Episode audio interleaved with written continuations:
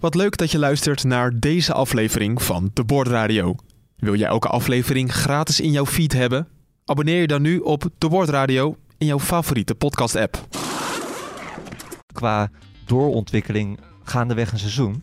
Eh, dat Red Bull toch ook wel weer is boven komen drijven. Althans, Red Bull in combinatie met Verstappen. Ja, maar ik wacht even. Ik wil wel de, de, de illusie tegenspreken dat je geen eh, grote spiermassa nodig hebt om in Formule 1 auto te rijden. hoor. Uiteindelijk is, het- is het gewoon een lekker boot. En volgend jaar moet je gewoon een nieuwe bouwen die, die, die wel ster- sterker is en die wel beter is. Hoe vaak heeft Perez dit jaar een zegen weggegeven om Verstappen te laten winnen?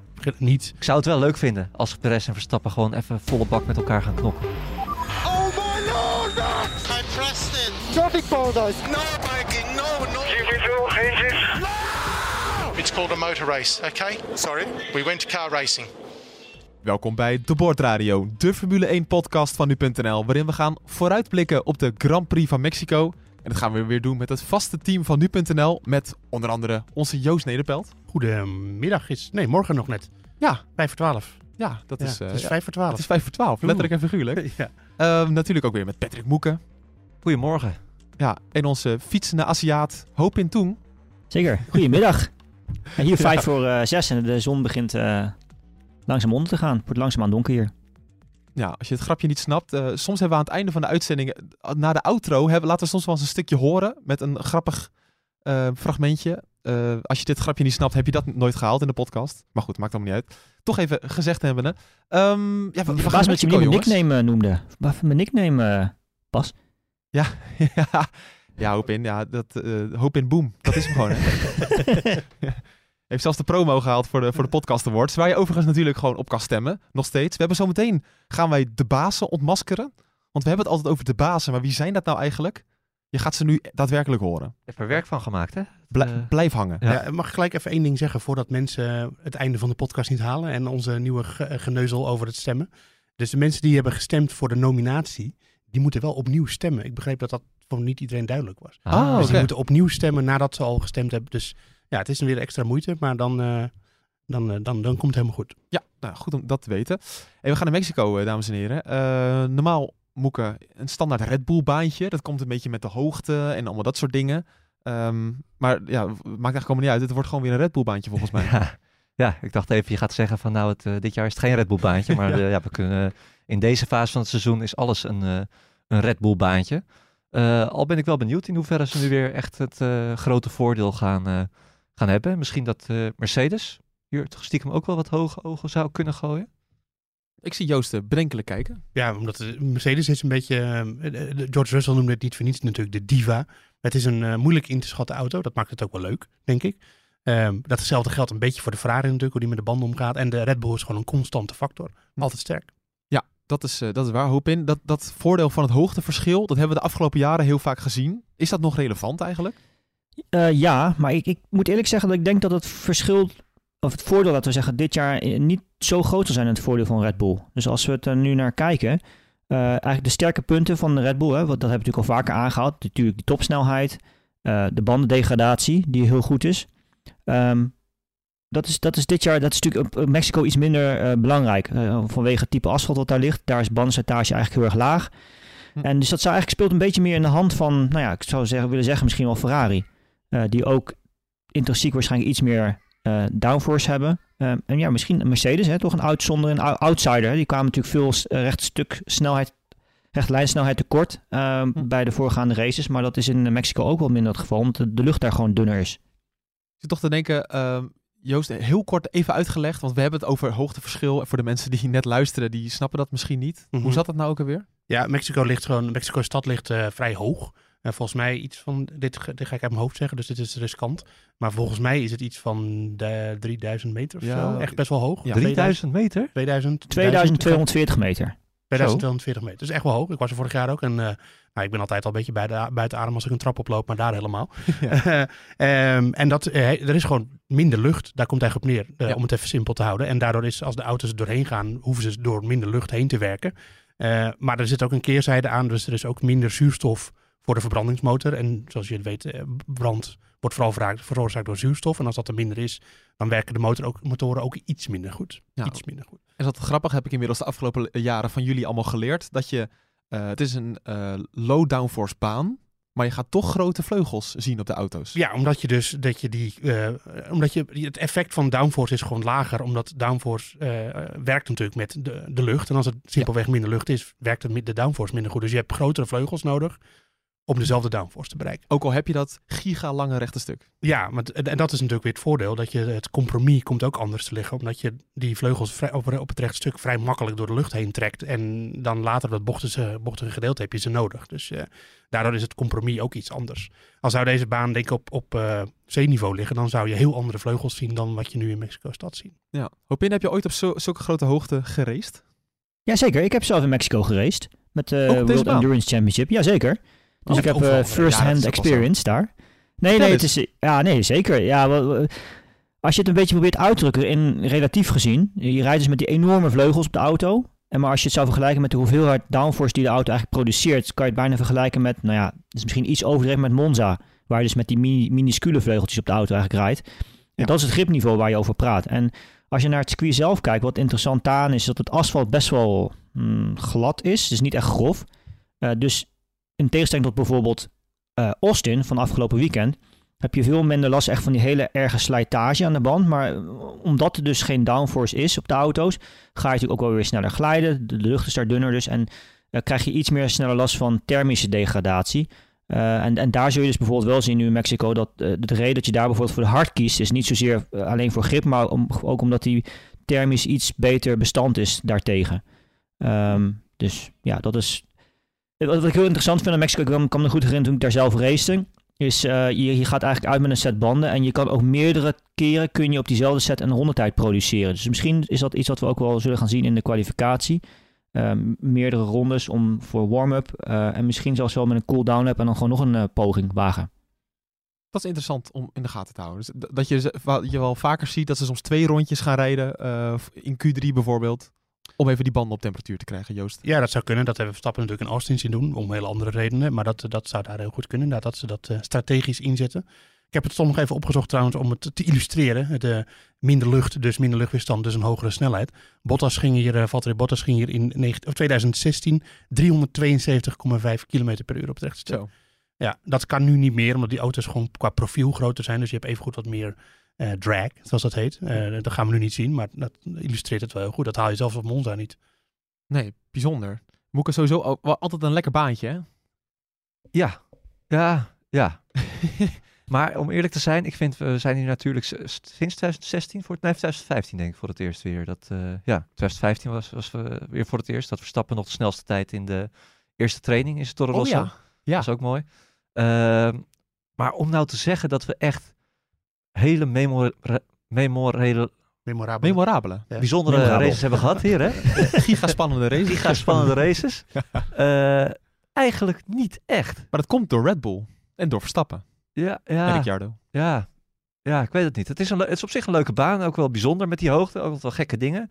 Vorig jaar die kwalificatie was ook eigenlijk bijzonder. Dat was, Red Bull was eh verreweg het snelst in alle trainingen. En opeens stonden daar de- toch die Mercedes eh, bovenaan in, eh, in Q3. Had ook te maken, eh, volgens mij, met de banden. Dat ze daar gewoon, dat ze die net niet in, dat, in het juiste window kregen. Hm. Dus dat heb je wel. Je hebt wel vaak verrassingen. Maar echt spectaculaire races met veel safety cars en chaos. Nee, dat valt eigenlijk wel mee. Mm, Ik herinner me wel die race in 2016 met dat Vettel zo boos was op Verstappen en bochten afsnijden. En dat, Oh ja. dat, en dat Verstappen nog van het podium af werd gehaald. Dat was op zich wel... Ja, ik denk dat de Verstappen-fans daar niet met heel veel plezier op terugkijken. Want het was voor Verstappen niet zo'n goede race. Maar eh was wel een, er gebeurde wel van alles. Maar in het, en vaak in de eerste bocht gebeurt er wel Ja, veel. dat wel. Het is een leuke eerste bocht. De, en Verstappen vorig jaar natuurlijk eh, die uitremactie buitenom in de eerste bocht was, was voor het kampioenschap heel belangrijk. Hm. Eh, maar inderdaad, over het algemeen is er gewoon vaak één auto de snelste. En dat, dat maakt het gewoon iets minder interessant. Was het ook niet 2017 dat Verstappen, die had, kon het record nog steeds pakken van jongste pole-sitter ooit? Ja. En Ricciardo bakte er helemaal niks meer van sinds Monaco. Ja, was het, of was het 2018? Ja. Volgens mij 2018. Ja, dat Ja. Was de eerste- nu zit er denk ik op 2018 inderdaad. Ja. En eh, Ricciardo bakte er helemaal niks van. Nee. En toen kwam het perfecte Red Bull baantje. Nou, pole position voor Red Bull. Als je daar geld op had ingezet, won je niks. En toen was het Ricciardo die pole pakte. Ja, daar was Verstappen toen echt heel boos over. Ja. Ja. Die was ook in alle sessies langzamer, toch? En alleen echt in Q3, die ene ra- Ja, la- klopt. allerlaatste ronde was Ricciardo net iets sneller. Ja. Ja, heerlijk. Ja, Ja, en had je ook nog een keer die, die ja, de kwalificaties zijn vooral leuk. Met Bottas die toen crashte, toch? Ja, ook ook Verstappen nog. er nog op hoge snelheid voorbij ging. Stevige crash was dat. eh. Ja, met die gele vlag eh, wel Ja. of niet. Ja, Ja. ja. inderdaad. En volgens mij Stroll, die crashte vorig jaar in de kwalificatie. Ja, dat is echt wel raar. Ja, was ook een hele rare. Maar goed, Stroll is tot alles in staat. Maar die, Nee, nee, eh, maar ik bedoel meer dat het circuit daar ook best wel... eh, als je, als je daar gewoon naar de layout kijkt en zo... Het is best wel voor de hand liggend dat je daar wel juist veel virtual safety car en safety car zou hebben.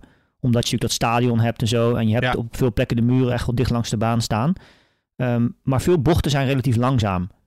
En Oh, ja. dat is natuurlijk wel vaak... Als je natuurlijk een langzame bocht hebt, al vlieg je van de baan af... dan, ja, dan kom je gewoon tot stilstand. Of in ieder geval met een niet zo grote crash tot stilstand eh, in de muur. En, en dat is wel... Ja, dat, waar, waar Stroll dus crashte, de uitkomen die, die laatste bocht, daar heb je al behoorlijk wat snelheid natuurlijk. eh, op, op het moment dat je daar eh, de, de auto verliest op die curbstone, wat gebeurde. En Moeke, één ding weten we zeker. Je wil hier eigenlijk geen pole position pakken. Omdat je hebt een waarschijnlijk een mooi statistiekje. Of, eh, of de aanloop naar de eerste bocht De aanloop naar de eerste bocht. Ja, die is heel lang. Net als Sochi had, daar hadden we het ook altijd over in Rusland. Ja, Dat, klopt. je wil daar helemaal niet op pole staan. Nou, dat, eh, ja. Uite- uiteindelijk wil jij wel op pol staan. Maar het is inderdaad, het hoeft niet per se een, een eh, groot voordeel te zijn om van de pol te vertrekken. Dat klopt. Je zag het vorig jaar met Verstappen. Ja, ik denk dat Verstappen wel op pole wil staan. Want zijn auto is door de, het hele seizoen al gewoon snel op de rechte stukken. Start ook goed, zoals afgelopen week. Dus als hij gewoon goed start en dan, nou, dan moet je wel een hele goede toe pakken als Leclerc of eh, wie dan ook zijn om, hem- om er dan in te komen. Ik denk, ik denk dat Verstappen wel gewoon een pole wil hebben eigenlijk. Ja. Maar eh, als, ik denk dat Leclerc, die moet geen pole hebben. Die, Nee. dus dat is eigenlijk een beetje eh tegenstrijdig, snap ik. Maar voor Leclerc zou tweede, denk ik, dan kan hij misschien Verstappen net pakken. Maar als Leclerc van pole vertrekt, dan is hij gewoon, en Verstappen bijvoorbeeld derde of tweede. Ja, dan gaat Verstappen er als eerste de eerste bocht in. Dat zeg, wil je dan kun niet P3 pakken gewoon? Dan zit je gelijk in die toon. ja, kan. Ja, maar je hebt, dan heb je... De, nou, Verstappen had vorig jaar ook de buitenkant. Ja. Ja. nou, dat is, dat- dat- eigenlijk is dat steeds eh, terugkomend op wat Patrick net al zei. Het leukste van de race. De, de, de eerste nou, 500 meter, zeg maar. En dan, eh, of het is best wel een lang rechtstuk. Het is ruim een kilometer, geloof ik. Ja. Dus ehm, ja, eh, we hopen dat het dit jaar eh, tot de laatste ronde spannend is. Ik wil zeggen, ik heb, we hebben hier vorig jaar een video over gemaakt voor nu.nl. En toen bleek uiteindelijk dat van de, sinds 2015 inderdaad dat maar twee of drie keer iemand zijn positie hield. Ja. Valt eigenlijk ook wel weer mee. Valt ook alweer mee, ja. Ja. Ja. En vorig jaar dan weer niet natuurlijk, omdat Nee. Verstappen zich... eh, Ja. ja, perfecte uitruimactie. Ja, zeker. Nou ja, in de eerste bocht hebben we gewoon heel vaak gezien. Volgens mij was het Bottas die vorig jaar in de ronde getikt werd door Ricciardo. Ja. en dus er gebeurt daar best wel vaak gebeurt er iets. En dat is ook wel weer eh enerverend. Met, met Vettel volgens mij een keer gezien dat hij twee auto's raakte in één eh, bochtcombinatie. Ja. Ja, dat, eh, En ook nog dat ook- iedereen over het gras ging. Eigenlijk best, best wel leuke, memorabele momenten. Het is een combinatie Momenten, natuurlijk van die bocht ook. Ja. Hè? Je, hebt, dus, je hebt dat lange stuk natuurlijk is één ding. Maar die eerste bocht, die kun je eigenlijk op twee manieren nemen. Je kunt hem of gewoon echt keihard erin laten, laten rollen. Waardoor je dus eigenlijk een beetje te wijd uitkomt. Maar dat is bij de start best wel een goede optie. Want ja, de, de exit is dan misschien iets... Die draait gewoon wat korter voor bocht 2. Ja. Ehm, het, is net als, als degene voor je dus besluit om de, meer te focussen op de exit uit bocht 2, bocht 3. En, en jij gaat zelf, eh, je, besluit om er erin te, te knallen. Dan, ja, dan, dan heb je best wel snel een punt dat je daar bij elkaar komt natuurlijk. En, sowieso omdat je van hoge snelheid ook naar, naar, naar traag gaat. Ik zat trouwens nog te denken, Joost, ik weet niet of jij, wat mij opviel. Ik zat nog een beetje te kijken naar data van, eh van Kota, van Olsen afgelopen weekend. En het viel me eigenlijk daarop dat de Mercedes heel sterk was tot, nou ja, we hebben natuurlijk al eerder gezegd, tot zo rond die 72, 82 km per uur. Weet, je, weet jij of ze wat veranderd hebben met de deploy voor e- elektrische energie daar? Dat ze daar winst hebben geboekt op de een of andere manier? Ehm, nou, Hamilton die klaagde wel over eh, dat hij enorm veel, eh, ja, zij noemen het bij Mercedes noemen ze het dan D-rates, maar die clipping had aan het eind van het rechte stuk. Eh, en dat had hij, heeft hij, de laatste tijd hebben ze daar best wel veel over. Dus ik heb wel het idee dat ze daar heel erg mee bezig zijn. Eh, we hebben dat natuurlijk ook in Zandvoort gezien, dat hij eh, Ja. in die bocht waar, met het uitkomen voor, voor de Arie Luijendijk bocht, dat ze daar ook problemen hadden met, met de deploy. Eh Oh, deploy is, is Toch voor even vertellen wat het ja, deploy- dat, dat is eigenlijk dat het eh, elektrische tijd die opgeslagen is, die gaat dan, eh, die 162 pk, die elektromotor gaat dan meedraaien met, eh, met eh, de echte motor. En dan ga je dus, ja, het is echt een soort van een elektro-boost.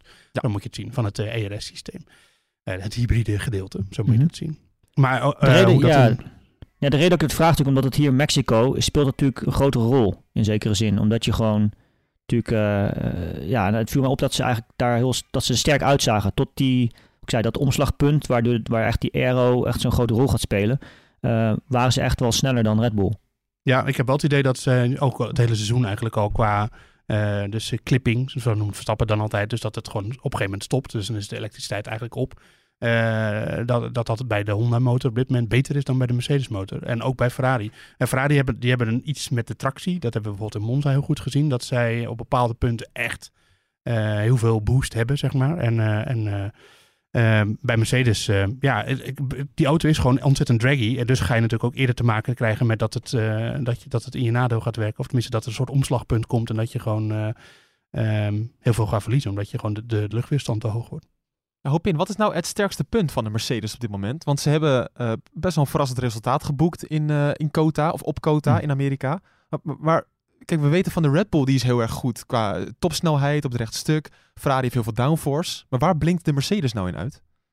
Nou ja, ik, daarom, daarom noemde ik net dat eh, die, die elektrische energie, die deploy Ja. van Mercedes, omdat me dat eigenlijk een beetje opviel in Kota. Dat ze daar heel sterk eruit zagen. En eh, over het algemeen denk ik dat als ze de Mercedes laag kunnen rijden zoals ze hem willen rijden, dat ze ook echt veel downforce hebben.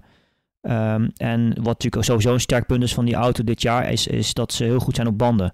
Nou is dat misschien in Mexico iets minder een groot voordeel. Vanwege de no- ja, reden die ik eerder noemde in deze podcast, dat gewoon eh, de bandenslijtage daar gewoon niet zo heel hoog is. Eh, alleen wat meer last van thermische degradatie. En ja, eh, de banden zijn hetzelfde als in, O- in Austin. Is ook C2, C3, C4 weer.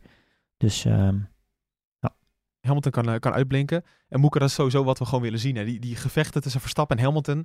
Eh, jij gebruikt het sinds deze week zelfs TikTok, hoorde ik. Je bent helemaal verslaafd aan TikTok geworden. Ja, ongelooflijk. Daar staat het helemaal vol mee met dat gevecht. Mensen vinden dat mooi. Ja, maar dat is ook zo. Ik kan me ook voorstellen als je Lewis Hamilton fan bent, dat je opeens weer eh, eh, ja, vol, vol plezier naar die Grand Prix hebt zitten kijken in, Ja. eh, in Kota. We hebben eindelijk weer Verstappen tegen Hamilton gezien. Toch, eh, hoe je het ook bent of keer, de twee eh, beste rijders van de afgelopen paar jaar. Eh, ja, het zou alleen maar fantastisch zijn natuurlijk als, eh, als Mercedes weer de aansluiting kan vinden. En we hebben natuurlijk wel eh, verrassingen ook gezien hè, op, op, op Mexico. Het is wel weer zo'n baantje waar het zou kunnen dat opeens toch weer onverwachts Mercedes er wel weer bij zal zitten. Ja, ik, ik hoop het eigenlijk wel.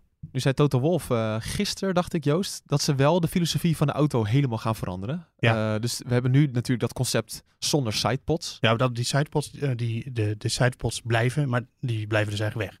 Dat hebben ze wel steeds gezegd dat ze dat concept wel gewoon willen houden. Waarschijnlijk okay. dat het daar oh. niet aan ligt. Ah, ik, ik denk dat, het... dat de hele filosofie wel ja, anders wordt. Goed, je weet het toch nooit. Hè.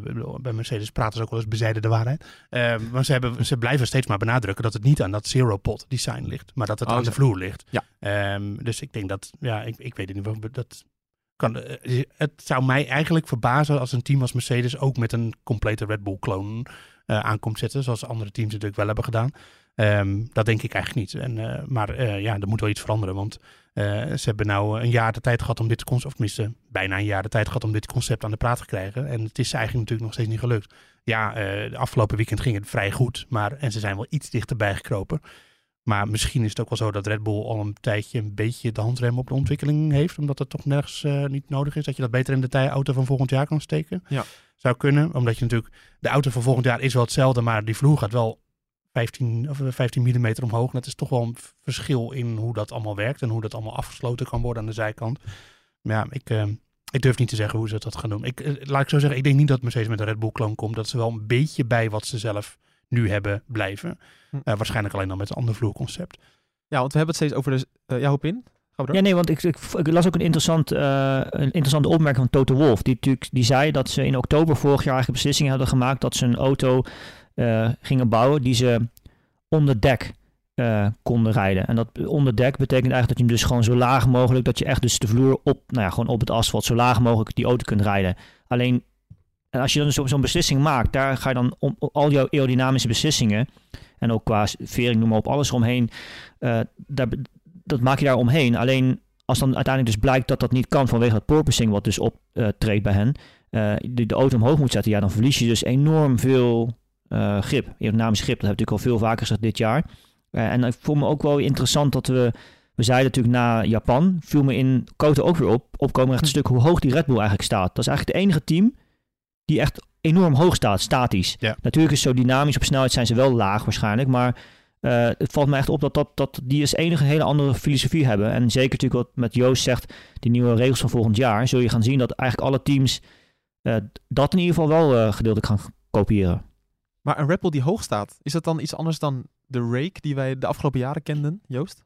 Um, nee, ik denk dat het, het, in principe hetzelfde is. Hm. Um, het, het zegt, ik denk, Goed, dit, dit hier uh, dit gaat mijn expertise ook een beetje te buiten, maar uh, zover je daarvan kan spreken. Maar, Hè? Dat ben je niet. maar nee, ja, Hebben ik, iets bereikt waardoor... ik bedoel, ik weet dit niet zeker wat ik nu ga Oh. zeggen. Dat is wat belangrijk om erbij te zeggen. Maar ik denk dat het zo is dat het, het, het idee van Rake, eh, dat je dat kan rijden, eh, dus een hogere achterkant dan de voorkant, dat hij een beetje voorover staat. Ja.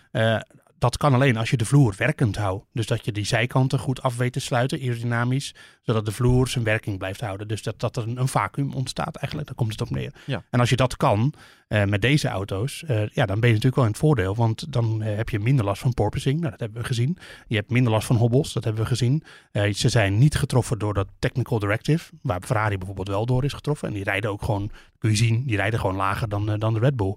Eh, dus ja, dat is denk ik een van de, de, de krachten van deze auto. Dat hij ehm, hoger kan staan zonder de werking van de vloer te kiezen. En ik heb het idee dat wat, wat Hoop in zegt, of wat Toto Wolff dan blijkbaar zei, dat ze bij Mercedes hebben gedacht, nou, we moeten zo laag mogelijk. En dat dat uiteindelijk dus helemaal niet bleek te kunnen. Nee. En dat ze daar dus de rest van het seizoen gewoon eigenlijk de sjaak mee waren. Want Ja. en ze konden die auto niet hoger zetten. Dat heeft Hamilton ook een paar keer gezet. Hoger dan dit kan niet. Eh, Hij stuit het als een gek. En dat krijgen ze gewoon niet meer uit dit concept. Dus ik denk dat ze dat vooral bedoelen. En die, die sidepods in Bahrein, daar was iedereen van helemaal van over zijn toeren. Ik ook. Ik vond het eh, hartstikke leuk dat ze dat hadden. Een mooi design. Maar dat heeft er eigenlijk niks mee te maken. Het gaat gewoon vooral om rijhoogte. Hoe werkt de vloer? Op welke hoogte blijft die werken? Daar gaat het vooral om, denk ik. Nu hebben we het steeds over Mercedes. Uh, Moeke, denk jij dat eh, Red Bull volgend jaar meer naar Ferrari of naar Mercedes moet kijken? Heel moeilijk om dat nu te zeggen. Het zou het mooiste zijn als het allebei is natuurlijk. Dat, eh, ja, daar, dat is waar. daar, daar moeten we op hopen dat we gewoon een drie-strijd krijgen tussen drie verschillende teams. Ja. Wat ik toch nog wel aan- redelijk aannemelijk vind. Omdat, ja, eh, Joost die zei het al, de regels veranderen een beetje, maar niet heel veel. Hm. Dus normaal gesproken zie je dan dat het veld in elkaar schuift.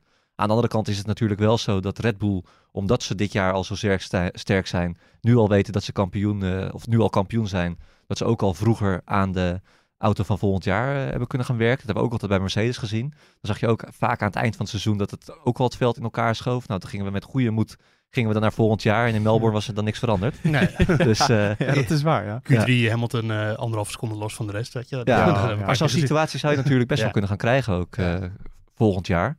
Ja, maar als je ook hoort, echt bizar. Vorig jaar had je natuurlijk die intense titelstrijd. eh, alles stond op het spel. Achtste wereldtitel van Hamilton. En dan hoor je inderdaad wat Hopin zegt. Dat, dat eh, Toto Wolff dus al in oktober zo'n beslissing had genomen. ja. Waar ze allemaal mee bezig zijn, joh, die mensen. ja, dat gaat natuurlijk het hele jaar, die denk ik al zo ver vooruit. Het, eh, het is allemaal al lang begonnen natuurlijk eh, voor volgend jaar. Moet ook, snap ik allemaal wel. Ja. Maar toch. Ja, zeker.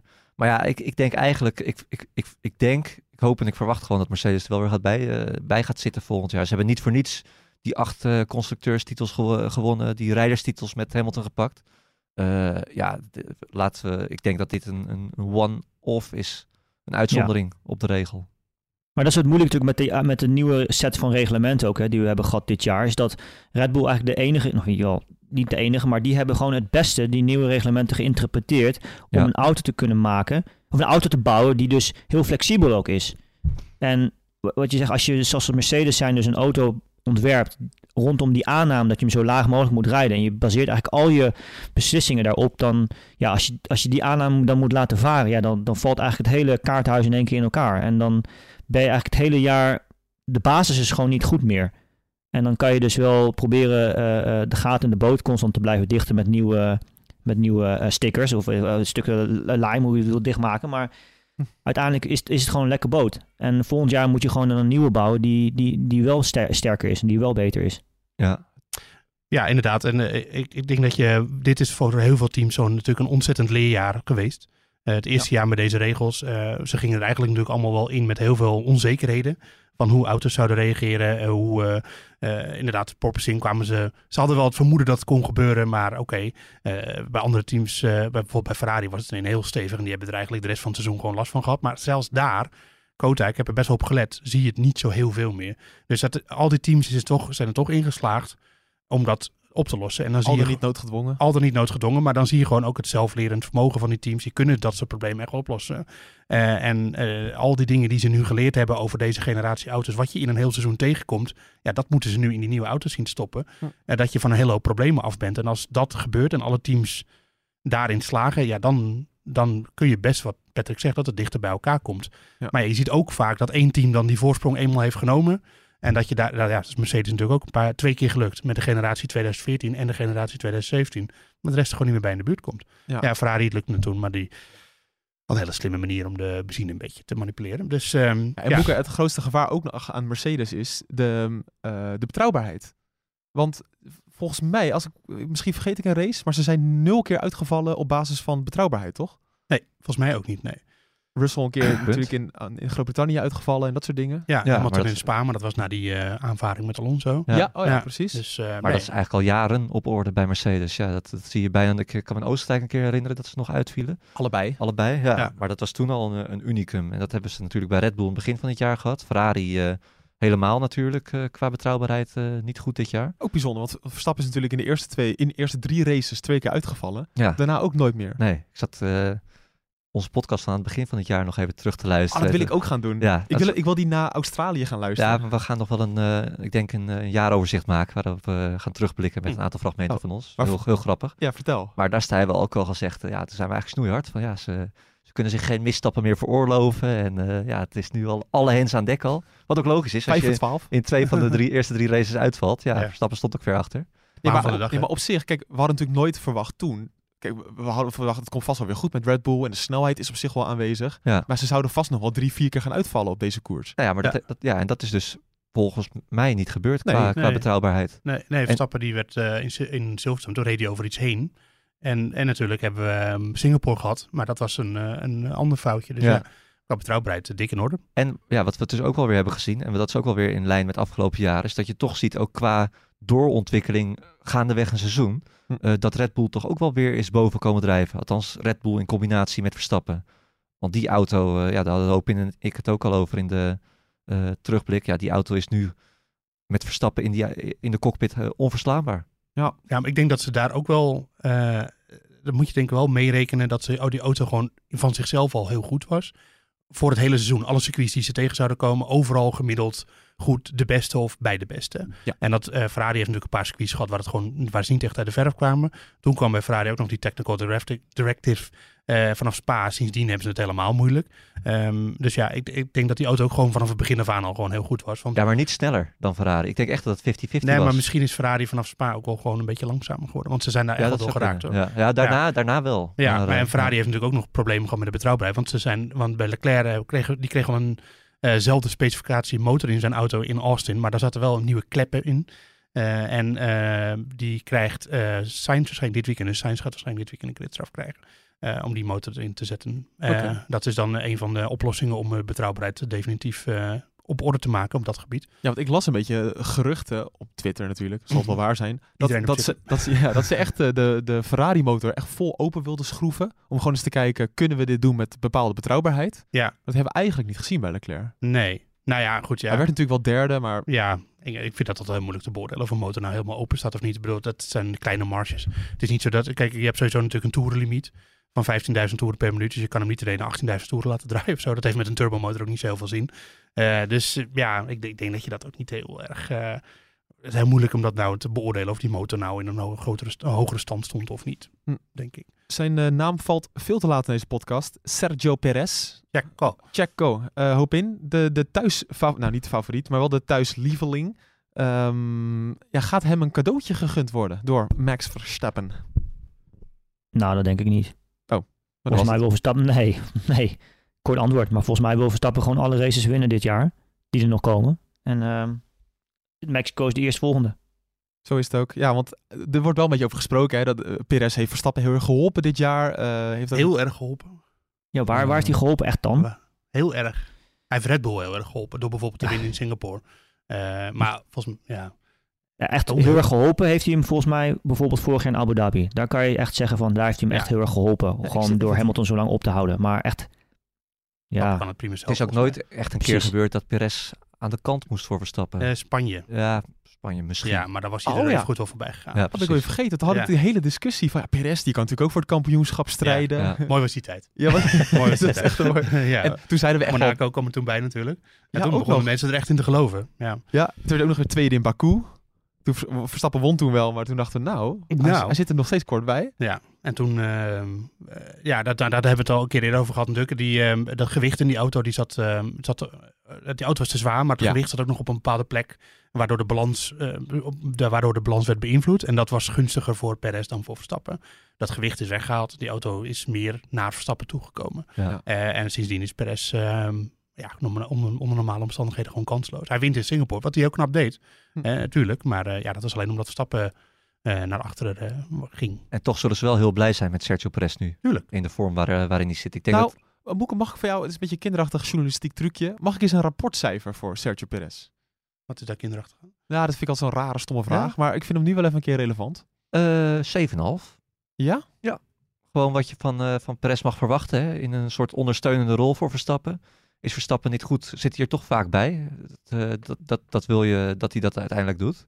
Ehm, ik, ik wil nog graag zien hoe, hoe het gaat eh, als Verstappen echt in een titelstrijd is verwikkeld met een Leclerc of Hamilton. Of hij dan ook die rol van tweede coureur kan vervullen. Hm. Wat Bottas altijd deed. Maar voor dit jaar eh 7,5.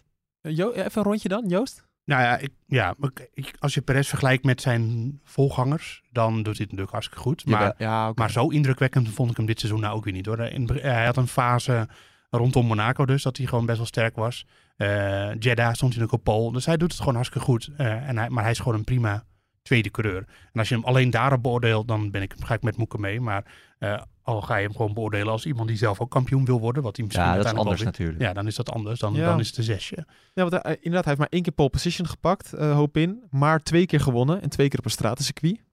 Het is ook niet, en, en dat in een recordjaar waarin Verstappen zo dominant is.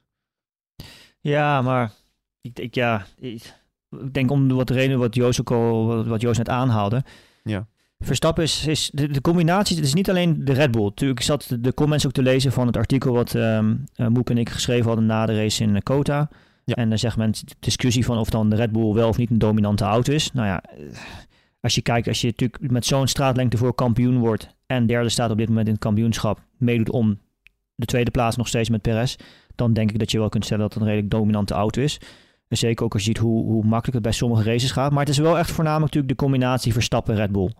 En ja, het is een combinatie. Dat is altijd het geval in de autosport natuurlijk. Maar wat Verstappen met die auto kan, eh, is ook volgens mij wat vaak voor toch wel dat, dat andere teams en andere rijders een beetje op hun hoofd aan het krabben zijn van hoe, hoe, hoe kan dat? Hoe doet hij dat?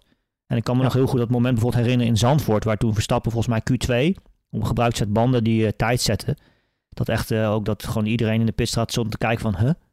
Maar hoe dan? Weet je, en als je Ja. natuurlijk daaraan iemand als Perez gaat spiegelen, ja, dan, dan kom je op een heel slecht rapportcijfer uit. Maar vergeet niet, eh, hij staat uiteindelijk wel gewoon derde in het kampioenschap. En als het een beetje mee zit, wordt hij gewoon eh visueel kampioen. Dus ja, dat kan je niet zeggen dat iemand het slecht doet, denk ik. Nee, ik zat ook te denken, we- kunnen het wel over cadeautjes hebben van Verstappen aan Perez. Maar dan moet hij moet er wel een beetje in de buurt komen. Precies, dan moet hij wel op de tweede plek rijden. Dan moet hij ook niet eh, op een half minuut achterstand eh, rijden. Dat misschien een undercut hem gegund wordt, wat je normaal gesproken met teamgenoten niet doet. Ja, maar eh, ja, ik vraag me ook een beetje. Ik denk dat hij dit wel zou willen, maar moet je het willen? Want we hebben dat in, de, in het Ferrari-tijdperk ook altijd al af en toe gezien. Hè? Schumacher die kreeg toen de zege cadeau in Oostenrijk, waar Ja, toen een hele hoop over, over te doen was. Ja. Eh, en later kreeg, dat jaar kreeg hij hem dan ook weer terug in, in de Verenigde Staten, op Indianapolis. Gingen ze toen heel theatraal, kwamen ze met z'n tweeën zo eh, over start-finish gingen ze eh, naast elkaar rijden. Maar als we het dan- over een cadeautje, bedoelen we toch niet zo'n cadeautje? Dat zou, dat zou nergens op slaan. Ja, maar hoe dan? Ja. Ja, ja inderdaad. ja, maar dit, Ja, dat zijn toch cadeautjes? Dat ja. is een cadeautje. En, Ja, en, dat en is ik- waar. ja, en dat was toch altijd een beetje zielig voor Baricello. Ja, nou ja, aan Ja. de ene kant wel. Maar ik vind het wel eh, een goed voorbeeld wat je aanhaalt. Ja. Eh, als jij in andere races gewoon zou winnen, maar aan de andere kant, aan de kant moest. Ja, En je krijgt dat later terug. Ja, dan is het niet zozeer een cadeautje. Dan is het gewoon een terugbetaling. ja oké. Ja, en maar Perez, hoe vaak heeft Perez dit jaar een zegen weggegeven om Verstappen te laten winnen? Niet? Niet. Nee. En vorig jaar ook niet. Dus dan, dan zou het wel echt een cadeautje zijn. Maar Verstappen had geloof ik zelf gezegd na afloop in, eh, in Austin. eh, hij kijkt natuurlijk wel naar die strijd tussen Leclerc en eh, Perez. En hij wil Perez daar wel bij helpen. Maar hij zei, als ik leid en Perez ligt tweede en Leclerc derde, dan zit hij er toch al voor. Dan is het goed. Dus hoef ik niet aan de kant. ja. En dat kun je natuurlijk, als Verstappen dat cadeautje wil geven, dan moet Perez sowieso tweede rijden. Maar hij Dus gaat ja, niet- de- die situatie kan nooit anders zijn dan dat. wat hoop in als hij het gaat niet gebeuren. Want Verstappen Nee. wil gewoon die records Maar la- laat een ander scenario, als we die er toch even op mogen filosoferen, is natuurlijk dat stel eh, Verstappen komt door strategische dingen in, de slot, in zijn laatste stint achter Perez als tweede terecht. Dat is een leuke... Ja, Gaat hij, hem dan, gaat hij hem dan inhalen? Dat, Dat- is een andere vraag. Dat is een hele Ja, leuke maar ik dacht, Ja. aan, ik dacht aan zo'n cadeautje dat Verstappen niet meer gaat verdedigen als eh Perez DRS pakt. Ja. Zoiets. Nee, dat, gaat hij niet doen. Dan zoveel komen maar voorbij dan, maar... Nee, dat gaat hij niet doen. Nee? Nee, nee absoluut niet. Als, als het om de eerste en tweede plaats gaat, dan gaat hij dat absoluut Oeh, ik geloof daar wel in. Maar Nee. dan moet hij echt, zeg maar, ronde 50 en zo naast elkaar. Ik weet niet hoeveel rondes er zijn trouwens. Nee. Zoiets. Ik denk dat eh, de, de draadjes in het hoofd van Verstappen zitten op een bepaalde manier aangesloten. En die kunnen niet anders. En die zitten gewoon zo, als ik aan de kop rij en ik kan gaan winnen hier, dan ga ik gewoon winnen. Maar dan ga ik niet, eh, hoe vol dat hele stadion met Mexicanen ook zit, ga ik hier aan de kant. Dat doet hij gewoon niet. Nee, klopt. Maar zou die hem wel aanvallen? Multi Als hij- 21. hè? Als hij Ja. vlak achter zit? Ja, zou, ja, zou die hem aanvallen? Eh, Ik denk dat hij dat ook gewoon doet, ja. Ja, hè? Ja, Ja. Zo zit, volgens mij doet hij dat wel, ja. Oké, oké. En, en, en, Nou, het- is toch, als je gewoon sneller bent, dan ben je toch gewoon sneller in Ja. dat geval. ja Tenzij ja, die echt vanuit, ja. vanuit, eh, van, eh, vanuit Christian Horner of, of wie dan ook, dat die dan zeggen van je moet erachter blijven. Ja. Maar dat, ik, ik, ik kan, dat gebeurt volgens mij ook niet. Dus Nee. dat, is, Nee. dat kan je ook al wegstrepen dan. en dan Ik zou nog- het wel leuk vinden als Perez en Verstappen gewoon even volle bak met elkaar gaan knokken. Op het asfalt. Ja, maar we dat, hebben is, het over- dat is geen, eh, geen dat is David tegen Goliath. Ja, maar ik denk dat Perez wel eh, extra gebrand is om dan Verstappen achter zich te houden of zo. Dat, eh, de Oh ja, op dat zou gladiolen. natuurlijk. Om te Dat laten zien dat hij ook wat kan. Ja. ja. En eh, het scenario eh, Max Strat 2 en dan dat in één keer de motor even terug wordt gezet. Of weet ik veel wat, wat, wat ze dan zeggen. Maar Ja, dat Engine zou, Mode 5. zou kunnen. Maar ik denk dat ze dat niet doen. Nee? Nee, Nee, waarom zou je dat nou doen? Alles is al beslist. Ja, laat, ik- ze, le- laat ze lekker racen. Ik vind het wel eens een keer Ja. leuk om te filosoferen over het Ja. leven. Ja. Oké, dus ehm, conclusie, dat gaat niet gebeuren. Dat is ook wel de kop van de podcast aan worden. Verstappen gaat geen cadeautjes aan Perez uitdelen. Mooi. Is dat hem? Mooi Ja. is dat eh, beklonken. Oké, dan gaan we even, even een, rijtje af. Want eh nee, zullen we even het weerbericht doen? Goed, Want kan als we kort houden. Ja, precies. Yes, it's go! No, Max Verstappen! Five cars off at the corner. This is the worst start for a Grand Prix that I have the whole of my life. Want de grote vraag is natuurlijk, komt er gigagaals op Mexico? Wij hebben het volgens mij, volgens mij nog nooit gezien daar. Nee, het, af en toe wel eens wat druppeltjes, maar nog nooit echt eh, grote buien. En ook dit jaar qua weer in ieder geval geen eh gigachaos. Oh, Eh, het is vrij rustig weer. Het- eh, 25 graden, een paar wolkjes. eh, hele, wel niet, niet dat het een bui uitgesloten is. Kleine kans. Maar als er een buitje valt, dan is het zo weinig dat, eh, ja, dat het ook heel snel weer droog is. En dat de intermediates niet van stal hoeven te worden gehaald. Dus eh, nee, een rustig weerbeeld eh, kunnen we wel zeggen. saai. Saai, ja. Ja, Dus het, alleen, is, het is daar best wel droog over het algemeen. Ja. Ik ben er vorig jaar geweest eh, bij die race. En eh, het is de regen daar volgens mij niet zo heel vaak in Mexico-stad. Ja. Dat zeg ik even uit het eh blote hoofd. Er is nog maar één Grand Prix waarbij we mogen hopen op regen. Dat is over... Dat is Abu Dhabi natuurlijk. Ja, ook. En Interlakos. Interlagos. Dus, eh, Wist je dat dat eh, tussen de meren betekent? Ja, is dat zo? Ja. ja. Wow, echt cool. Sprintrace daar, hè? Ja. Ook nog, ja. Ja. Ehm afijn, ehm, we hebben een rijtje met weer mensen die mee gaan doen aan de eerste vrije training. Junioren, althans, of gewoon eh, mensen die een kans krijgen. Onder andere Jack Doohan, Ja. inmiddels een bekende naam in de Formule 2. Ja, hij heeft ook een bekende achternaam natuurlijk. Hè? Ja, ja. Zijn vader, Mick. Mick, Mick, Quick Mick Doen uit Australië. Vijfvoudig eh, niet MotoGP-kampioen, want toen bestond de MotoGP nog niet, maar het was 500 cc. Op Oh de. Honda. Echt Twee een, eh, takjes. twee takjes, met het echte geluid. Toen ik als klein Joosje op de, bij de TT lang, eh, op de tribune zat, hoorde je die lang schillen met z'n Oh. allen. Geweldig. En toen kwam Mick Doohan kwam voorbij. Mick Doen kwam ook vaak voorbij en ook vaak aan de leiding. Dus hoewel ik Kevin Schwantz fan was. Maar, Ja, Ja, en later wat- ik, ik, ben niet zo goed bekend in die wereld. Wat was het verschil tussen die twee dan? Ehm, Weet je, Verstappen Hamilton of zo, hoe zit dat? Nou ja, moet je dat zeggen? Ja, nou, Suzuki tegen Honda was het een beetje. En mijn vader die is eh motorliefhebber, die heeft ook een Suzuki. Ah. Eh, meerdere zelfs. En die is meer, zit meer in het Suzuki-kamp. Dus dan, en, en Kevin Schwantz was een soort van een beetje flamboyante man uit Texas. Echt een eh, publiekslieveling. li- lieveling. En Mick Doohan was dat een stuk minder. Dus iedereen was wel voor Kevin Schwantz destijds. En later ging dat hele kamp gewoon naadloos over in Rossi. Dus Ah ja. ja. Eh, dus eh, ja, het was het mooiste. En eh, Mick Doohan is gewoon echt een, een legende ook. Ook al was ik dan Schwantz fan, maar Doohan was eigenlijk beter. Dus, en dat is leuk dat zijn zoon nu in de Alpine mag debuteren. Ja, geen Oscar Piastri. Nee, gek hè? Dat Hoe is- zou dat nou komen? hè? Nou, nou ja, op zich, hij is gewoon uh, testcoureur. ja, Dus als er iemand gewoon in die auto moet, is het gewoon Oscar Piastri. ja, maar hij, Die hij, naar McLaren gaat. hij heeft zichzelf gewoon onmogelijk gemaakt bij Alpine. Dus, en dat heeft Alpine trouwens aan zichzelf te danken. Maar Ja. Ja, dat gaan ze natuurlijk niet meer doen. Maar het kan ook anders, zoals dus bij Mercedes. Eh, want daar gaat gewoon Nick, Nick de Vries rijden. Ja. In de auto van eh, George Russell, Moeken. Ik vond het wel een beetje dubieus of zo. Ja, ze Want hij gaat naar de Red Bull stal. ze zullen weinig andere opties hebben. Misschien hebben ze het ook wel contractueel met hem afgesproken. Dat Ja. zou ook nog kunnen aan het begin van het, eh, van het jaar.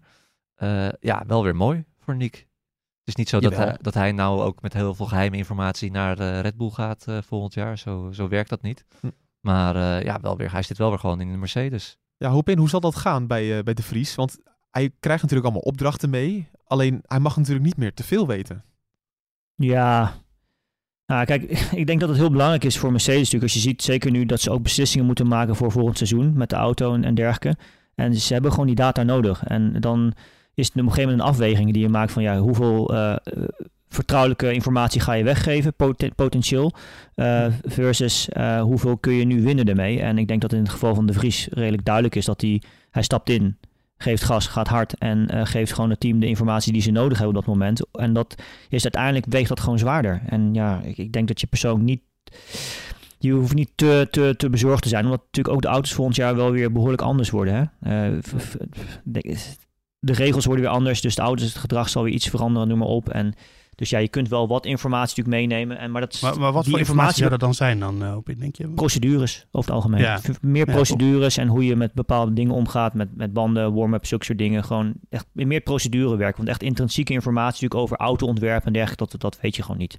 Nee, het is niet dat, eh, dat eh, Nick de aerodynamische berekeningen Nee, van de precies. Mercedes, die natuurlijk ook- momenteel toch niet zoveel waard zijn, dat hij het mee gaat nemen. naar- oké. Nee, dus het gaat vooral inderdaad om, eh, om warm-up van de banden, wat ook heel belangrijk is. Natuurlijk, eh, temperatuurbeheersing van de banden is... eh, maar dan weet je toch een- hoe de Mercedes dat doet? En Ja. als, jullie zeggen net dat de Mercedes daar best wel goed in is. nou ja, dat komt gewoon ook, daar hebben we het ook al, eh, dat heeft Opin ook al heel vaak benadrukt, omdat die Mercedes gewoon zo gebouwd is dat die eh, in het begin weinig energie door de auto heen gaat, of naar de banden heen gaat. Ja, En later, maar ja, dat, is gewoon, dat zit in die auto. Dat is niet iets Ja. dat, dat Nick dan kan vertellen hoe ze dat gedaan hebben. Dat De- weten alle engineers eigenlijk bij Red Bull ook wel. Ja, die kunnen dat zelf wel uitvogelen. Ja, oké. Dus geen spionage voor de Nick de Vries. Nou ja, hij kan eh, misschien eh, nog een tijdje met een, een, krant met een gat erin in de pitbox gaan zitten. En dan kijken hoe ze dingen doen. Maar nee, dat- er is niet zoveel, denk ik, wat Nick daar gaat opdoen. Denk ik. wat ze bij Red Bull niet al weten van de Mercedes. Oh, denk, je, denk jij van wel op in? Nee, zeker niet. En zeker, weet je wat het ook is tegenwoordig? Met alle HD-camera's en fotoapparatuur die er beschikbaar is, joh, echt alles wat een team wil weten, weten ze uiteindelijk toch wel. Ook wat er Ja. onderhuids bij een auto het eventueel te zien is, wat interessant is, en noem maar op. Eh, als je de auto's op de grid staan, gaan toch vaak ook alweer dingen vanaf en zo. Je kunt altijd wel, als je bepaalde hele specifieke informatie wilt hebben eh, over ontwerp of zulke soort zaken, dan kun je dat ook echt wel heel makkelijk vinden en Ja, zien. als, een, als een goede engineer eh, die zelf een auto in elkaar zet, geeft die een blik op een andere auto. Die, kijk, als ik er naar kijk, of jij, eh, ik kan nog wel dingen aanwijzen, maar die weet dan precies waarom die dingen Ja, zitten waar ze Dat zitten. Weet je? flapje. Ja, kijk, weten wat iets is, is één ding. Weten waarom iets daar zit of niet zit, dat is een ander ding. Hm. En als je, dat, als je een goede engineer bent, dan kun je dat gewoon zien. Dus als je Adrian Newey naar de diffuser van eh, Ferrari laat kijken, dan kijk, wij kijken ernaar en denken, oh, een diffuser. En hij denkt, oh, dat bochtje zit daar, daarom, dat hoekje zit daar, daarom. Weet je, die, omdat hij dat gewoon, dat is in zijn vakgebied. Het is, En, eh, en het kijk, is vaak al die- onderhuids, hè? Voornamelijk, En- waar het om draait natuurlijk. Ja, en maar sowieso al die teams die hebben ook natuurlijk fotografen in dienst. Die staan dan eh, bij de, bij de, in de pitstraat staan ze elke keer de, alle concurrerende auto's vanuit dezelfde hoek te fotograferen. Ja. Dat is niet omdat die foto's de volgende dag in de krant komen. Nee, maar dat, is gewoon, die verkopen ze gewoon aan teams. Dus Grappig. Ja, dat is Ja. het enige wat je wel zou onderhuidse informatie. Dus een auto als die kappen, als, als, als bodywork allemaal eraf gaat en zo, on- onderhuids hoe zo'n auto eruit ziet, bepaalde ophangingsystemen, dampers, eh, derde element, noem maar op. Dat is misschien wel interessante informatie. Alleen, eh, ja, dat... Niemand maakt natuurlijk daar een foto van. Ik bedoel, ik, ik kan je niet voorstellen als coureur zijn dat je daar een foto van maakt om dat mee te nemen naar een ander team. Dat zou echt oerdom zijn. We hebben ook nog... dat eh, eh, Nick met een GoPro in zijn overal. Ja, Zo, op zijn- ja, ja. op zijn borst zo. en dan rondloopt. Rondloopt ermee. Nee, dat, dat, Zou dat mogelijk eigenlijk, in theorie? Nee joh, tuurlijk niet. nee, Nee? nee. Nee. nee. Officieel, Hey, moet vriend, je eh, voor alle, ja, officieel moet je gewoon een sticker hebben op de camera. Alles waarmee je kunt opnemen in de paddock, eh film, als coureur beweging, beeld, moet je, moet, je, moet je een sticker hebben erop, volgens mij. Oké. Ja, weet ik echt niet. Dacht Ja. ik. Als journalist sowieso. Journalist sowieso, inderdaad. Ja. Nog eh, twee andere mensen die ik nog even wil benoemen. Liam Lawson gaat dus in de Alfa Tauri rijden. Ja, maar ik dacht nog even, we hadden het net op de redactie even over. Waar blijft nou de kans voor Jamie Chadwick? Dat is de, de vrouwelijke Max Verstappen in de W-series. Mhm. Laten we zo eerlijk zijn, want die Ja. is bizar dominant. Ja. Bijtske Visser doet het, eh, heeft het goed gedaan. Ja, tweede. laatste, laatste race gewonnen in Singapore. Ja. Ja, Ja. twe- tweede geworden in het kampioenschap. die is niet zo goed als Jamie Chadwick. Nee. Dat, daar, daar zeggen we niks geks mee. Nee. Nee. ja, ik denk niet dat Jamie Chadwick een kans in de Formule 1 verdient. Die verdient eerst een kans in de Formule 2, denk Of ik. drie. Of, of de, de 3. weet je, Maar wel, waar- begin daar eens mee. Ja, maar je, ze gooien allemaal mensen in die, eh, in die auto's. Ja, maar dat zijn jongens die hebben de, alle procedures, eh, het hele klasse eh, systeem van Formule 3, Formule 2 allemaal al doorlopen. Dat heeft zij niet gedaan.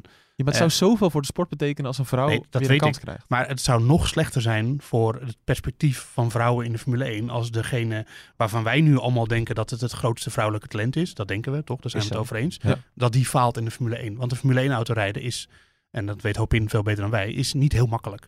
En eh, als zij dat nog nooit gedaan heeft en ook nog nooit in de Formule 2 heeft gereden, dan is ze gewoon bijvoorbeeld kansloos. Je moet zoiets opbouwen en je kan niet zomaar in ene denken van nou, ze is in een W-serie, wat een beetje vergelijkbaar is met Formule 4, Formule Vier, 3, ja. Formule 4. Ja. In ene, in, ja, dat, dat, sommige coureurs kunnen dat, maar van dusdanig eh, buiten proportioneel talent is ze nou ook weer niet. Dus dat is, je moet het juist denk ik gewoon opbouwen en ja, ik denk dat als ze nu stoppen met die W-series, wat best kan, begin dan eens Financieel, hè? ja, begin dan eens een, een, een, een Formule 3 team of een Formule 2 team of allebei. Voor vrouwen, probeer dat eens. Want dat is het niveau waarop ze moeten kunnen presteren. Ja. Eh, en en eh, dat is eh, natuurlijk best mogelijk. Maar ja, dan moet je dat wel, dat niveau moet je ze wel op kunnen laten opereren. En dat doen ze nu niet, want ze rijden alleen tegen andere vrouwen waarvan het de, de talent, laten we zeggen, de breedte van het talent in de W-series. Ik zie die races regelmatig op het circuit, is niet heel groot. Er zijn er een paar die kunnen het echt. Ja. En, en laat die dan gewoon lekker in de Formule 3 rijden. Want dan kunnen ze op het echte niveau kunnen ze dat, eh, hun talent eh, ontplooien en verbeteren. Ja, en, naar de, en de Formule 2. En dan kan je een keer aan de Formule 1 test gaan denken. Want soms heb je die Tatjana Calderon, Ja. die Colombiaanse, die rijdt wel eens in de Formule 2. Ja, die kan er gewoon niet zoveel van. Nee, die en, en dat slecht. is alleen maar slecht voor de reputatie. En- Precies. Want zo, de- zo denken mensen dan. Die zien dan een vrouw in de Formule 2 en die kan er gewoon niet zoveel van. Dan zie je, ah ja, zie je, een vrouw probeert het. Nou, die kan er niks van. Terwijl het is maar één vrouw die het probeert. Er zijn natuurlijk een hele hoop anderen die het misschien wel kunnen. Maar, Maar die krijgen nu de kans niet eens. een Colombiaanse coureur die er niks van kan. Dat ken ik ergens van. Pastor Maldonado. Ja, Pastor ja, maar. Juan Pablo Montoya komt ook uit, toch eh, uit uit, Venezuela? uit- Venezuela, Pastor komt Maldonado. uit- Oh, ja. ja. komt in Venezuela? Ja, ja, ja. Oh, sorry. Ja. Oh, nou, daar gaat mijn grap. Ja. Slecht inderdaad. Ja, maar ik had het op moeten. Ik zag laatst weer zo'n samenvatting van eh, dat jaar van Spanje waarin hij won. Dat hij ook nog eens... En toen, en toen brandde hij de pitbox In de garage die in de hands ging. af. Ja, ja, precies. Dat is echt over, een, over complotjes gesproken. een mega complot. ik, ik wil wel toevoegen over Chadwick aan, wat, aan Joost betoog net. Trouwens, Ja. wat Joost betoog ook, wat ik nog wil toevoegen aan, eh, Ja. over, over Jamie. Ik denk natuurlijk, de W-series is enorm dominant en, en dergelijke, maar ik denk hetgeen dat haar het meeste eh, gebeten heeft, als ik het zo mag zeggen, is dat ze natuurlijk in 2020 race Formula Regional European Championship met Prema Power Team. En Ja. eh, dat was dat jaar best wel een dominant team. Die won ook het kampioenschap. Alleen zij eh, ja, wist niet echt indruk te maken. Dus volgens mij scoorde ze maar één podium dat hele jaar ook. Dus dat is, was sowieso natuurlijk al niet een kampioenschap wat, nou ja, waarvan je zou zeggen dat is echt een directe opstap naar Formule 1, zoals bijvoorbeeld F3 of F2. En dus dat is, dat is nog best wel wat stappen verwijderd van. Oké. Dus dat is ook, Maar- een, eh, ook een reden. Maar hoop in, ik zat ook te denken, kijk, dat, dat Daphne Schippers minder snel was dan Usain Bolt, dat snap ik. Omdat uh, dat heeft gewoon met, met het lichaam te maken. Een Mhm. vrouwelijk lichaam kan minder energie uit, uit de spieren halen. Ja. En er zal vast uh, meer achter zitten. Um, dus dat snap ik allemaal wel met zwemmen, met dat soort sporten. Maar bij Formule 1 draait het vooral om je nek. Je moet een beetje kunnen sturen, je moet een beetje kunnen trappen.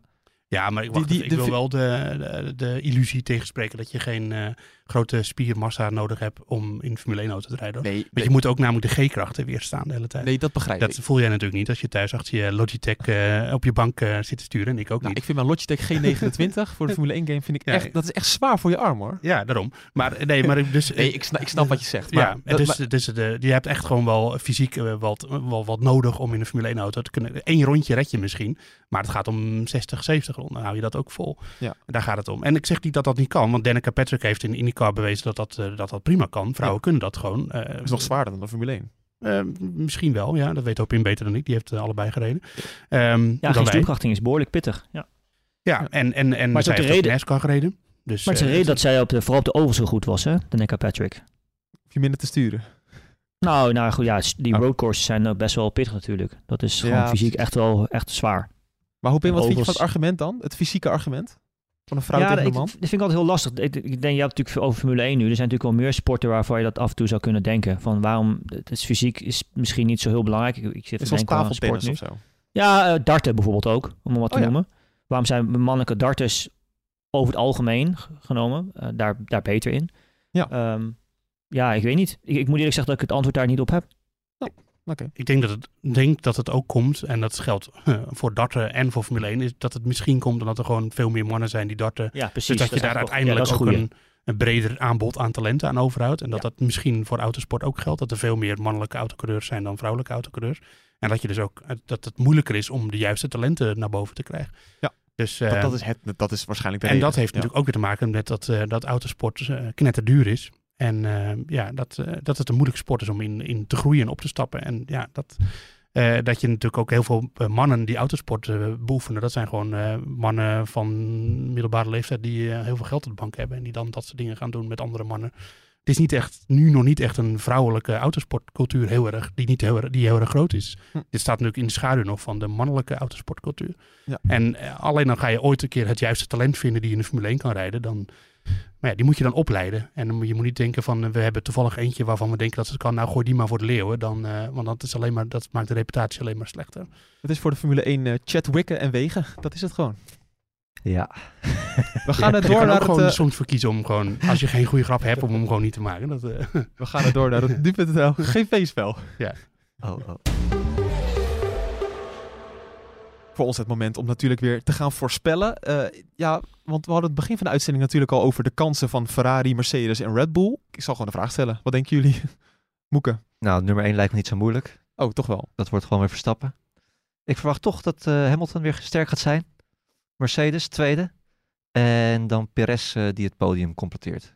Joost? ja, ik denk dat het best wel spannend wordt.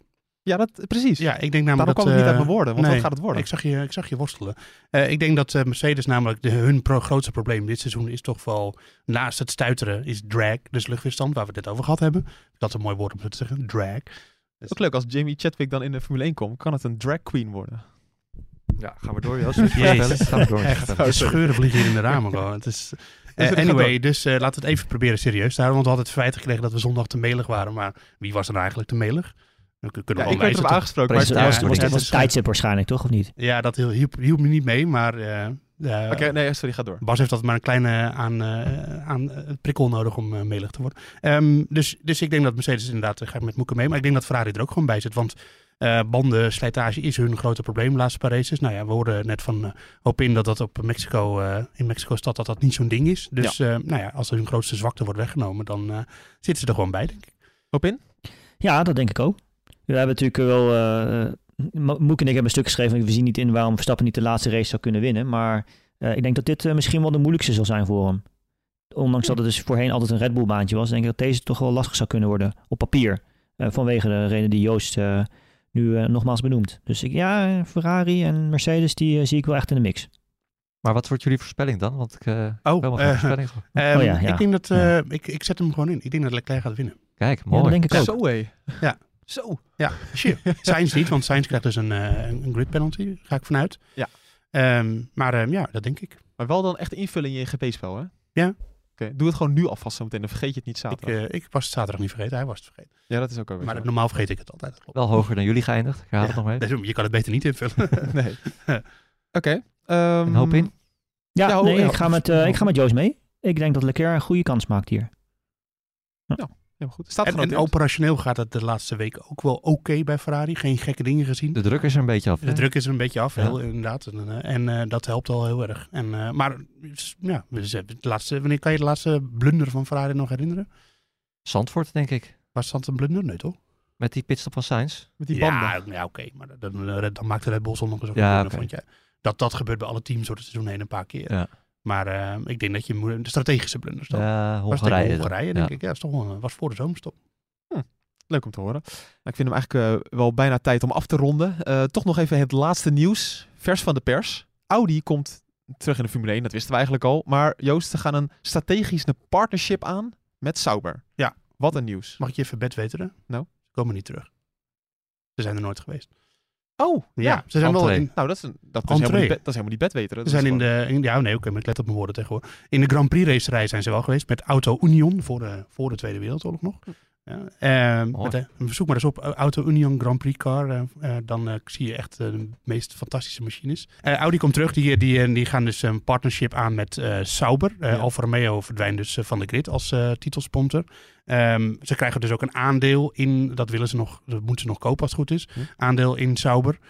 Ik denk slimme keuze. Sauber is natuurlijk nu niet echt een hoogvlieger. Maar dat komt ook omdat financiële middelen de afgelopen jaren... Kijk, Patrick heeft hem inmiddels bijgevonden. Oh, heel goed. Ja, dat is Die rijdende doodskisten waren het. Ja, zeker. Ja. Inderdaad. Ehm, Maar wat zie je? Even beschrijf het even. We Ja, maken een podcast. zo'n klassieke, eh, ja, de- een van de eerste Formule 1 auto's. hè. Zo'n, eh, zo'n eh, ja, wat ik zeg, zo'n rijdende, zo'n rijdende doodskist. ja, zo Alleen heel fraai is dit, die man zit bijna in zijn, in zijn motorkap. Ja, Ja, motor achter de coureur. precies. Dat waren ze toen al eh, heel innovatief mee. Auto Union F1 en dan vind je het Ja. gewoon.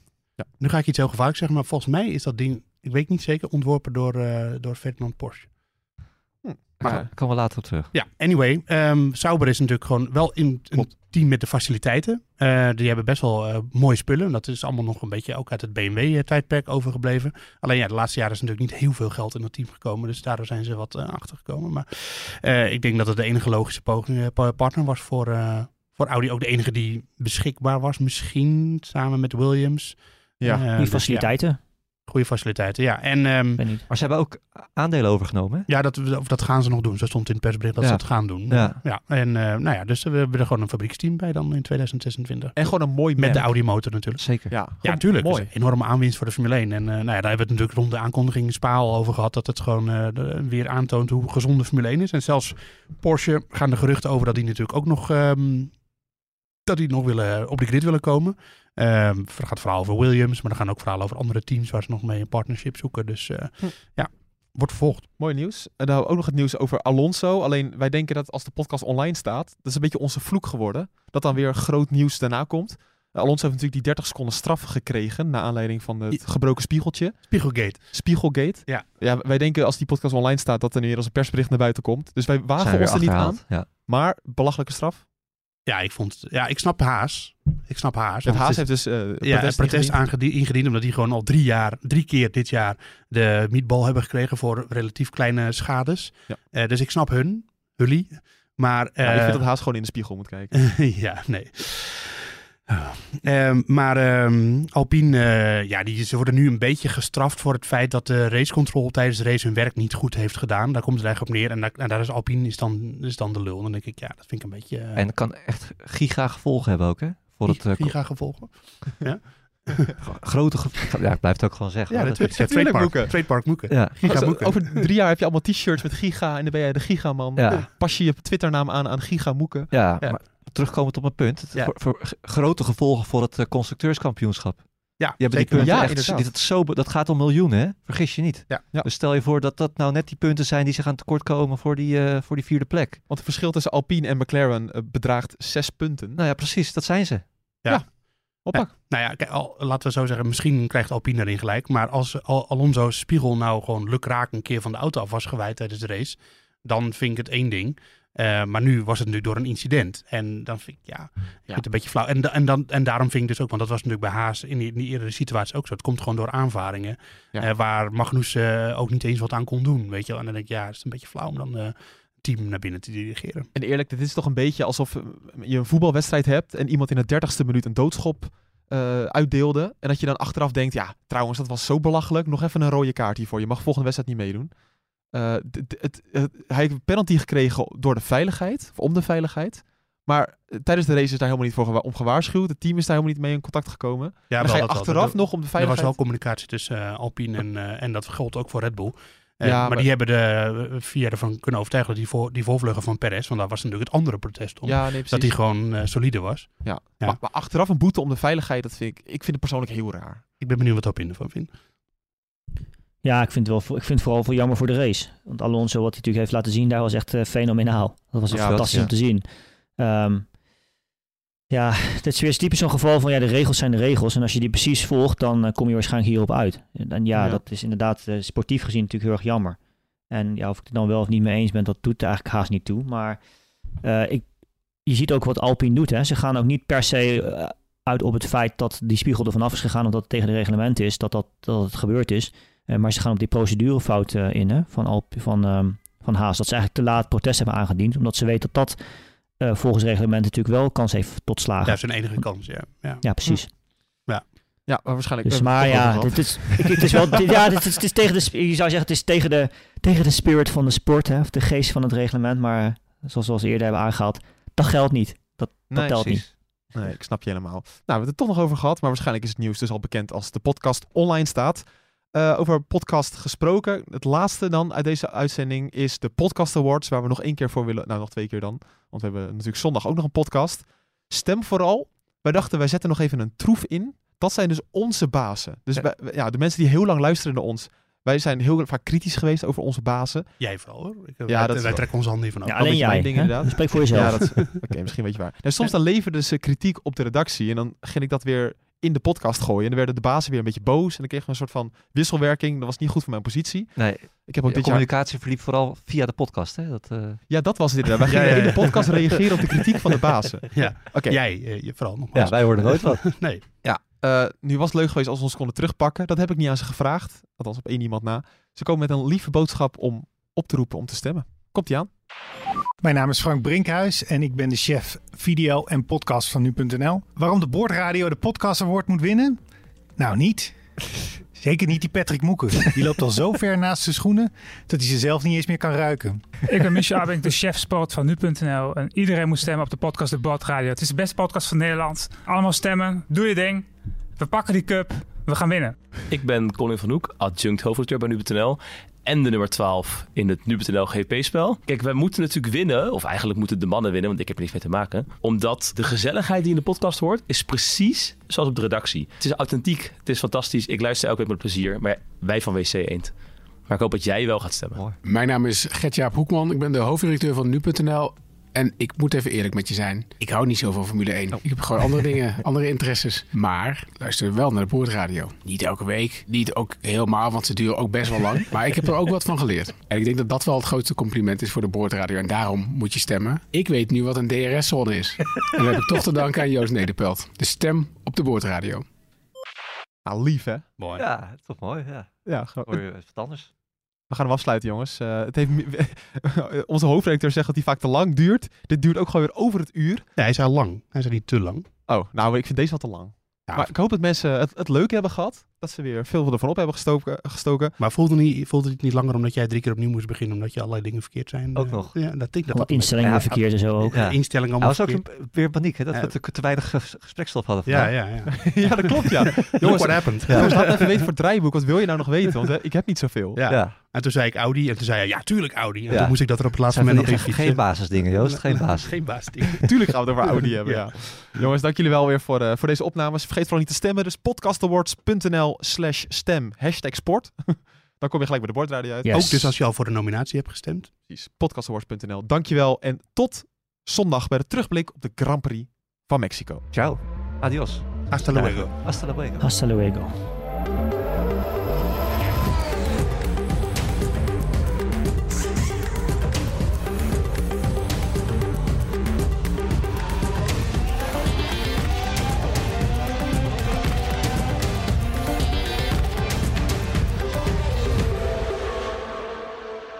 Die grappen, hè? Dat, eh, Ja, als Ja, die grappen er nou allemaal uitknippen. na die grappen wel valt dat zo'n lange stilte. Als je dat eruit Ja. zou kloppen, dan eh, komen een paar minuten, is die korter in één keer. Ja. Dat is altijd een beetje een probleem. want Dan, dat, dat heb ik heel erg. Dan maak ik een grapje en dan zie ik jullie reactie. En dat is precies wat je wil als reactie. Ja, En dan ga je er heel erg in geloven. En dan, dan kom ik niet meer uit die modus. Maar het is uiteindelijk wel de bedoeling dat als jij een grap maakt, dat anderen erom lachen. Maar dat gebeurt bij jouw grap eigenlijk nooit. Ja, maar ik, heb, ik heb nog een boek thuis voor jou, Humor voor Dummies. Maar jullie hebben gewoon geen humor. Ja, dat is het natuurlijk. Ah, Joost, Joost had altijd wel van die woordgrapjes, maar zelfs jij lacht er niet meer op. Nee, mijn woordgrappen zijn eh, van een ander niveau. Ja, jij hebt een beetje Formule 4 woordgrap. maar ik vond Hoop in Boom vond ik wel heel goed. Dus daar heb je het, het seizoen redelijk mee gered. Gelukkig. Ja.